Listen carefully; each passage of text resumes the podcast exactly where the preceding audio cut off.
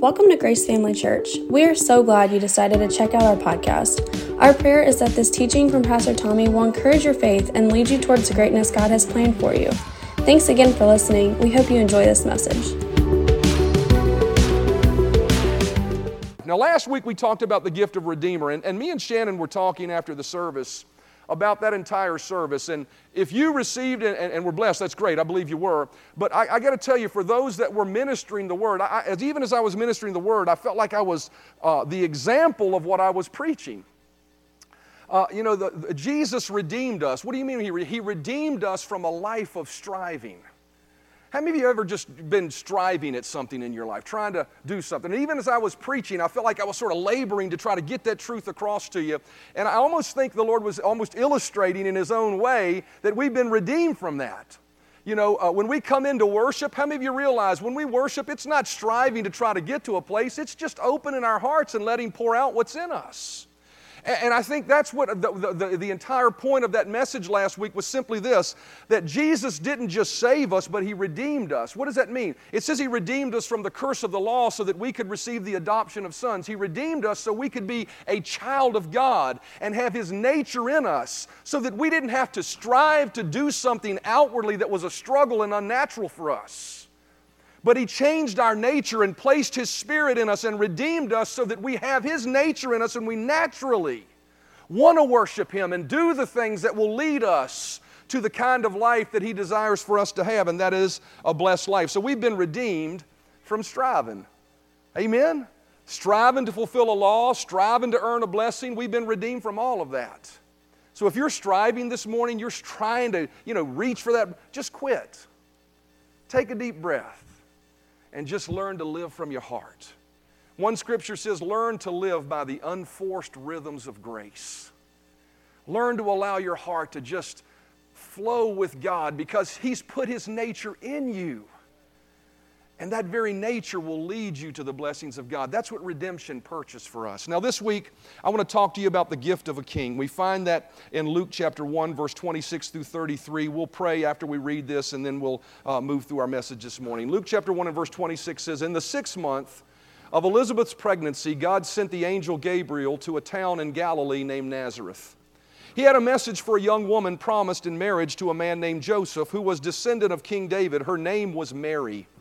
The angel came to her and said, Peace be with you, the Lord is with you and has greatly blessed you. Mary was deeply troubled by the angel's message and she wondered what his words meant. And the angel said to her, Don't be afraid, Mary. God has been gracious to you. You will become pregnant and give birth to a son, and you will, and, and you will name him Jesus. And he will be great and will be called the Son of the Most High God. The Lord God will make him a king. Everybody say a king. The Lord God will make him a king as his ancestor David was, and he will be the king of the descendants of Jacob forever. His kingdom will never end. Let's pray before we begin. Father, thank you so much for your word. Thank you for the truth we find in it. And I just yield to you, Holy Spirit, and ask you to speak through me this morning to your people. I ask you to bring revelation and understanding, that the eyes of our understanding would be enlightened, that we would know the hope of our calling in this life we would know the place to which you've called us to be blessed and favored and empowered to serve and, and touch others for you. That this message this morning would be inspired by your Spirit to bring about that result in our life. I yield myself to you and thank you that you will honor your word and do just that. And we give you praise and thanks for that, Father, in Jesus' name. Amen. Notice there in verse 32 and 33, two times it says that Jesus, the angels declared that Jesus would be a king. That word king in the New King, actually in the King James Version is, is, is translated this way. It's actually not, it's, tra- it's not translated the word king, it says, he shall reign. So if you go read that in the King James, you don't even see the word king, but it says he shall reign. And in the essence of what that word means, if you really look at it, is this He will exercise kingly power. He will exercise kingly power. And so Jesus was declared to be a king that would exercise kingly power. But he wasn't just declared to be a king that would exercise any kingly power. His kingly power was very specific. How many of you realize you can be a king of a puny kingdom and your power is not much to say anything of? How many of you realize, I hope nobody's from Morocco here, how many of you realize the king of Morocco, his power is probably very insignificant to the kingdom of the United States or one of the other larger nations, right? And the thing about Jesus is this He was not named the Prince of Bel Air or the Lord of the Flies. he was deemed the King of Kings and the Lord of Lords. And we see that. He, notice the phrase is used in that text we read the Most High. He would be King of the Most High God. Most High means nothing higher, the highest. And so he was named the King of all kings when those angels declared that.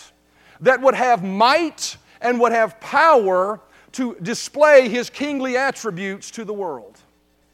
He would have might and he would have power. Everybody say might. Everybody say power. You can also term it this way. Everybody say power.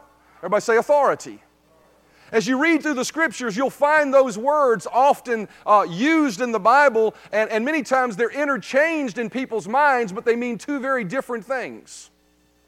See, Jesus not only was he the king of the Most High, he's most powerful, right? He has, uh, how many realize that means physical strength? If, if I said that I was powerful, um, it's, you know, it, it's based on how much, you know, if, if we're talking about weightlifting, it's based on how much weight I can lift, right? Uh, and so it's talking about physical strength. And so, how many of you realize Jesus has all power, right? He has the greatest or the highest power in the world. There's no one stronger than Jesus. How many of you realize that? He is the Almighty God, King of Kings. So, what that tells me this morning is whatever you're facing, whatever you're going through, your King is greater than that problem, more powerful than that problem stronger than that problem. He is the ulta, ultimate alpha. Amen. Not only that, though, not only does, is he all powerful, but here's the other thing. He has, uh, the, the, angels declared him to be the king of the Most High, so he, he would be not only the most powerful, but he also have the, the right to use that power. See, how many you realize you can have power in your life, but if you don't have the right to use it and you use it, then you're nothing more than a criminal? You know, you see nations trying to do that today. They have no right to the claim of another nation, but they try to come in and claim that nation with their power, and it's a criminal act.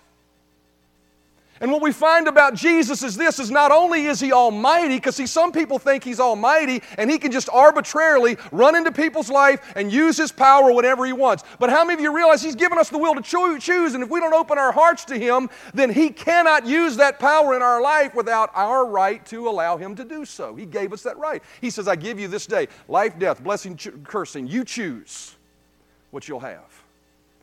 So he's all powerful, but the great thing about Jesus is he's not a criminal.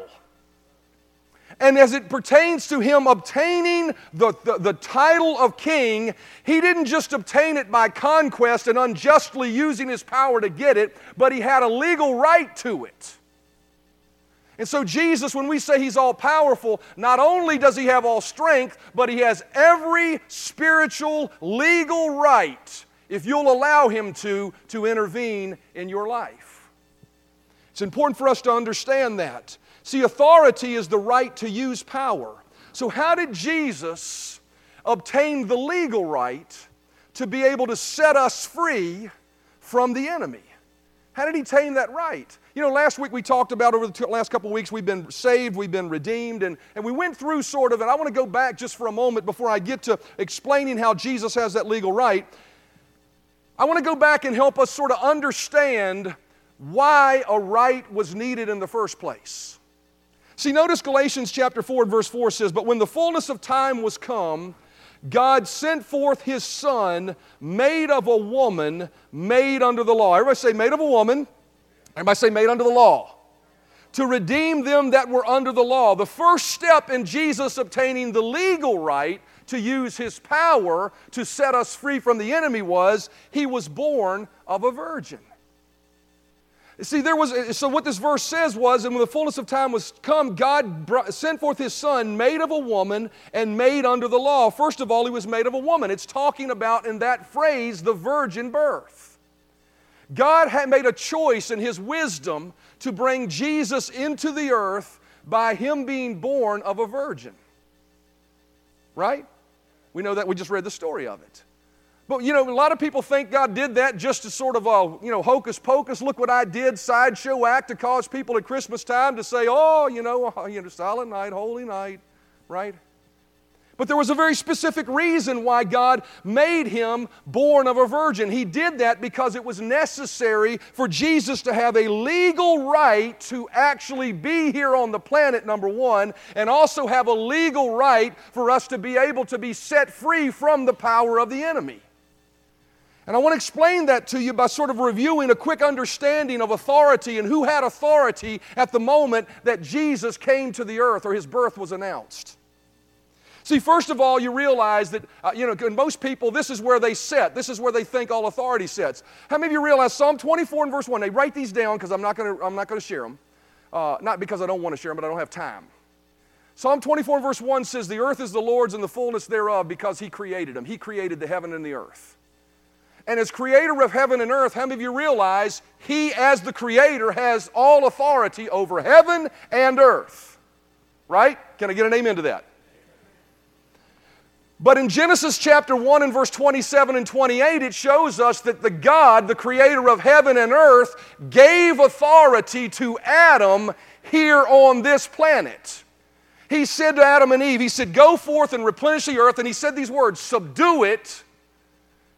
Right? Subdue it. That word subdue it is the Hebrew word kabash. This is a quick lesson for you. I'm going really quick, right? It, go back and listen to it online later if you want to catch this. It's the Greek word kabash, and what it means is, is to take dominion and authority over. In that moment, God, the creator of the earth, said, Adam, I'm giving you authority on this planet. And in that moment, Adam, subservient to God, certainly God the creator of all, but Adam became the uh, sort of overseer and the uh, place of authority on this planet. So much so, God told him to name the animals. God told him to do this and that. But we find in, in the story in, uh, of Adam and Eve and the, the serpent suddenly coming in and deceiving Eve with Adam with eyes wide open, just made a choice to disobey, the Bible says. See, a lot of people want to blame the woman, but Adam's the one who did it. Amen. Adam's the one who actually transgressed. But the Bible tells us in Romans 6 and verse 16, to the one to whom you yield yourself servant, you are his servant to obey. Romans tells us that. So at the moment that Adam sinned, death passed upon all men. What does that mean? It means that Adam took his authority to be the rightful one that could use power on the earth, and he gave it to the enemy by serving him. And at that moment, Satan became what the Bible calls in 2 Corinthians the God of this world the one that had the legal right to use power and might over things. And for 4,000 years, his maniacal reign reigned destruction and sin and bad things upon this planet. That's why, you know, the moment that Jesus came, the angels sang. Why? Because they could see light at the end of the tunnel. They could see that there was going to be a moment where authority would be transferred from the enemy the maniacal enemy of God and the vicious ruler over men. Well, he'd be dethroned and, and, and it would be given back to who they were declaring to be the king.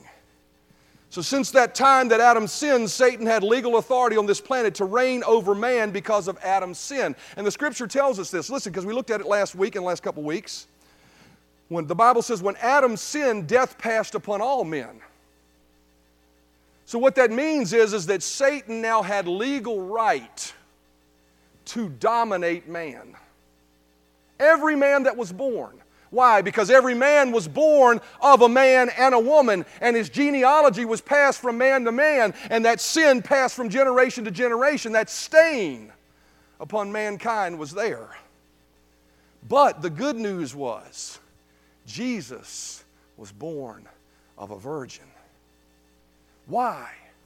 Born of a virgin so that the blood of his father didn't taint him, and so that sin didn't pass upon him, and so that he wasn't born on the authority of the devil. He was born into the earth with the, with the devil having no hold on him. That's why when he walked around healing people, the, the, the, the, the disciples were amazed. They said, Man, even demons are subject to you. How is this happening? They didn't understand the mystery and wonder of the virgin birth. But I'll tell you who else didn't. The devil didn't. He didn't understand the beauty of it. See, so first of all, Jesus was born of a virgin that Christmas morning to satisfy the, the legal claim that, hey, you have no hold on me. I'm not under your authority. Therefore, I have a right to not be subject to your power. But not only that, not only was he born of a woman, but then he was also, notice it says, he was made under the law or subject to the law. So he was not born uh, under the authority of Satan, but he was still born under the obligation as every man to fulfill the law to please God and have a relationship with God. But the scripture tells us outside of Jesus, all have sinned and come short of the glory of God. No man could satisfy that standard. But the wonderful thing about Jesus is, first of all, he came not, ha- not Satan not having authority over him, but he also came proving that, uh, uh, that he was God because he lived a sinless life. He fulfilled the law to perfection so that not only was he born free from Satan, but he lived free from Satan. 1 Peter chapter 2 and verse 22 says Jesus never sinned. And he never spoke deceitfully. Boy, we could take that to heart, couldn't we? When he was verbally abused, he did not return with an insult. How many of us can live by that one? When he suffered, he would not threaten retaliation. He didn't live by an eye, eye for an eye. Jesus lived out his life and ministry unstained by the sin of Adam, first of all, but also unstained by the sin of personal transgression. He lived his life free from sin, and therefore Satan had no hold on him, had no power over him, had no authority over him. And yet, Satan unknowingly, here's the point I'm trying to get to so you can understand how powerful the gift of a king is to us this morning. Satan unknowingly inspired men to crucify him, and yet he was an innocent man, yet they hung him on a cross as a cursed man. So much so that the Bible said, had the angel, had the devils and, and the, the rulers of this day understood the mystery of the gospel, and part of that mystery is the mystery of the virgin birth, had they understood that, they never would have crucified the Lord of glory. Satan never would have done it. Why? Because he realizes if he crucifies an, a, a godly man, if he kills an innocent man, then he has transgressed the law himself. And it opens the door for the God of all the universe, the just God of all creation, to bring his power in and execute judgment upon relinquishing that control that he had. 1 Corinthians chapter 2 and verse 2 says, For I determined Paul said, not to know anything among you save Jesus Christ and Him crucified. Skip down to verse 8, you can read through the rest of it. But speaking of Jesus being crucified, it says, which none of the princes of this world knew or understood. You know, when he uses that phrase, princes of this world, it's not talking about actually the people that crucified him. You know, the Bible says we wrestle not against flesh and blood, but against principalities and powers and the rulers of the darkness of this world in this age. The princes of this world, the demon forces and darkness of hell, did not understand or understood the, the, the magnitude of crucifying an innocent man. As a matter of fact, they didn't even realize that he was innocent. You know, certainly he lived free from sin.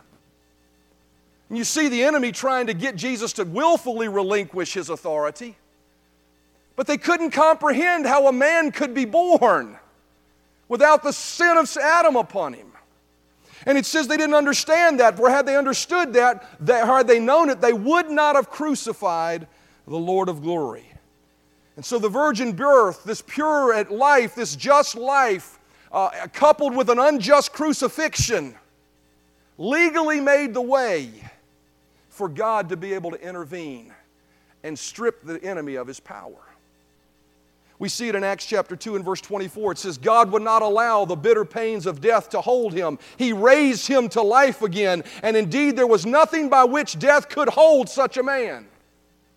See, the reason Jesus was raised from the dead wasn't just because arbitrarily God said, you know, we're going to raise him from the dead because I don't like it this way. He raised him from the dead because he had no legal reason to be there. It was unjust for him to be there. And yet he willfully, what a gracious, merciful act for us.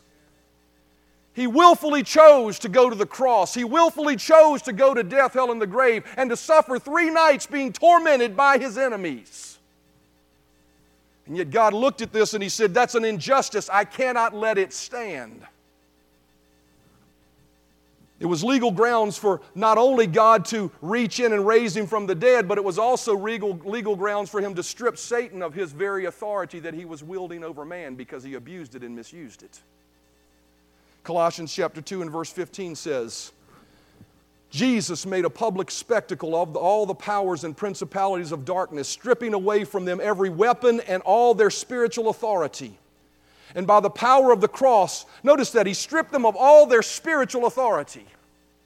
All their spiritual authority every bit of their spiritual authority. That tells me every attack of the enemy, it is a sham, it is a lie, it is a deception. It doesn't mean it isn't factually real, but what it tells me is it, it is the enemy uh, deceitfully trying to get you to buy something that he has no authority to place in your life.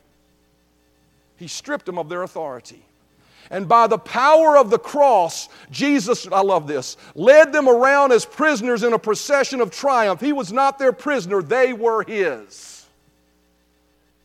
See, when God reached down and said, It's not just because sin is not, doesn't have a hold on him, I'm going to raise him from the dead, Jesus said, Oh, okay, great. Raise me from the dead, but I'm going to do something as you're raising me. I'm going to use my might now because I have the authority to use it, and I'm going to whip the devil on his turf. I'm going to take the keys of death, hell, and the grave, and I'm going to set mankind free from a 4,000 year maniacal reign. And let me assure you, the display of that legal authority and might fully accomplished the task of making him the king the angel said he would be. Verse 19 says through 22 says, God's mighty power in the, uh, the Passion Translation. Says, God's mighty power was released when God raised Christ from the dead and exalted him. Notice this and exalted him to the place of highest honor and supreme authority in the heavenly realm. And now he is exalted as first above every ruler, authority, government, and realm of power and existence. He is gloriously enthroned over every name that has ever praised, not only in this age, but in the age that is coming. And God has put everything beneath the authority of Jesus and has given him the highest rank above all others. He was named at that moment King of Kings and Lord of Lords, the fulfillment of the prophecy that the angels gave to Mary that day when they said he would be the mighty King of the Most High. So much so that Jesus in Matthew 28 declared this to every one of us as his disciples. Then Jesus came and said to them, All authority. Notice he said all authority. He didn't say all might. He already had the might. He was already God, the mighty God. But he said, All authority, the right to use my might in heaven and in earth has been given unto me. He has been named the King of Kings and Lord of Lords with legal right to display his power because he's been given all authority. And so, the gift this Christmas day and this Christmas season to us and every day of our lives to us is the gift of a king as the musicians come. Not just a king, but a most high king of kings and Lord of lords. And the good news of him being a king doesn't stop with just him being a king. It doesn't stop there. Because, see, that's where most people stop with their belief in Jesus. He's King of Kings. But they still see themselves subject to the power of the enemy. They still, still see themselves subject to the power of their circumstances. They still see themselves subject to the power of their physical symptoms. They still see themselves subject to the power of their resources that are at their disposal. But the good news of him being our king didn't stop with just him being named King of Kings. It went further. Ephesians chapter 1 and verse 19 through 23 in the NIV says, But God raised Christ from the dead and seated him at his own right hand in heavenly realms, far above all rule and authority and power and dominion and every name that is invoked, not only in the present age, but also in the one to come. And God has placed all things under his feet. The Bible wasn't written in chapter and verses, it was a letter. Go ahead and read chapter 2 and verse 1. It says, And as for you, look at your neighbor and say, He's about to talk about me. And as for you, you were dead in your transgression and sins, but skip down to verse 6. The rest is doing no injustice to the other verses. And God has raised us up with Christ and seated us with Him in the heavenly realms in Christ Jesus. So Jesus seated King of Kings and Lord of Lords with all things under his feet. And when you believe in him, you're raised up and seated beside him in those heavenly places. And all things are not only under his feet, they are under your feet positionally because you've accepted him. Amen. He makes us kings of his kingdom. See, that's not the way most Christians live their life. When we worship God for the King of Kings this morning, we should worship Him with a full understanding that I'm not a servant and a beggar. I'm not under life circumstances. I've been made a king by the King of Kings in His kingdom that is above all kingdoms. Revelation 5 and verse 9 says, And God's people sing a new song, saying, You have redeemed us to our God by your blood. And notice this, and have made us kings. Do you see yourself as a king this morning? Or do you see yourself as a pauper? Do you see yourself as a broken worshiper of God? If you are, that's okay. God loves you right where you're at. But that is not who God says you are, and that is not your destiny and your place of resting. See, He made us a king in life. Romans chapter 5 and verse 17 says, Death once, held, death once held us in its grip. And by the blunder of one man, talking of Adam, death reigned as king over humanity. But now, how much more as we held are we held in the grip of grace and continue reigning as kings in life, enjoying our regal freedom. Reigning as kings in life. How does a king reign? How does a king reign in life? Let me tell you how he reigns. He dictates and decrees what's going to happen in his kingdom. His kingdom doesn't dictate to him what will happen. We've been made kings who can decree and declare what will happen in our life by the authority of the name of Jesus instead of allowing life to dictate to us. We no longer, because we have a King of Kings, we no longer have to cower in fear, looking up at our circumstances as something larger than us, but we can rise in our kingly, priestly robes and stand and declare to the circumstances in our life, it will not be, it shall not be, in the name of Jesus, because God has promised me it would be that way. The gift of a king has given us a right to no longer to be dictated to by life and its unfortunate circumstances. We have the right to stand and decree and declare.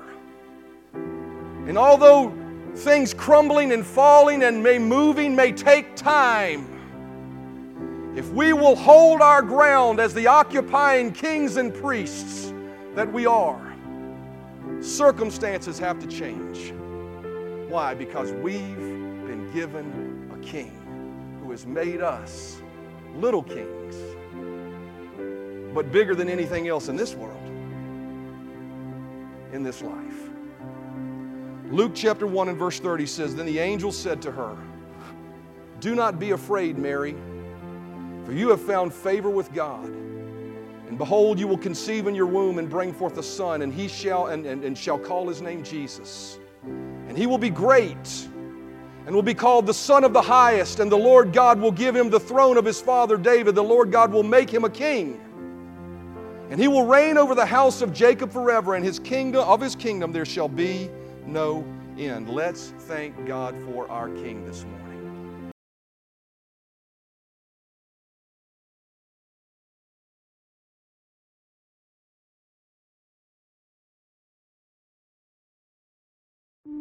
Thanks for listening to our Grace Family Church podcast. We really hope you enjoyed this message.